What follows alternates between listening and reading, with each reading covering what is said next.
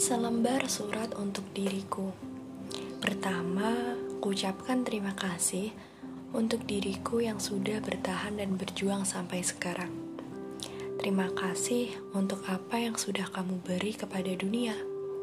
Dan terima kasih dengan hal-hal hebat yang sudah kamu jalani.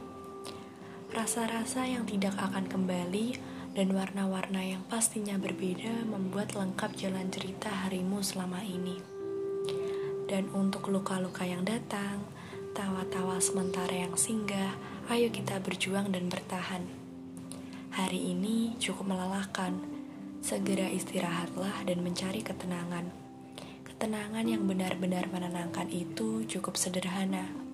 Dengan kamu memberi ruang sedikit pada dirimu sendiri, atau mungkin kamu bertemu dengan seseorang yang bisa memberikan dengan senang hati tempat untukmu. Untuk besok hari, kamu harus bersiap diri, bersiap mengerti dan menghadapi. Dari diriku, aku ucapkan terima kasih dan ayo bertahan bersama.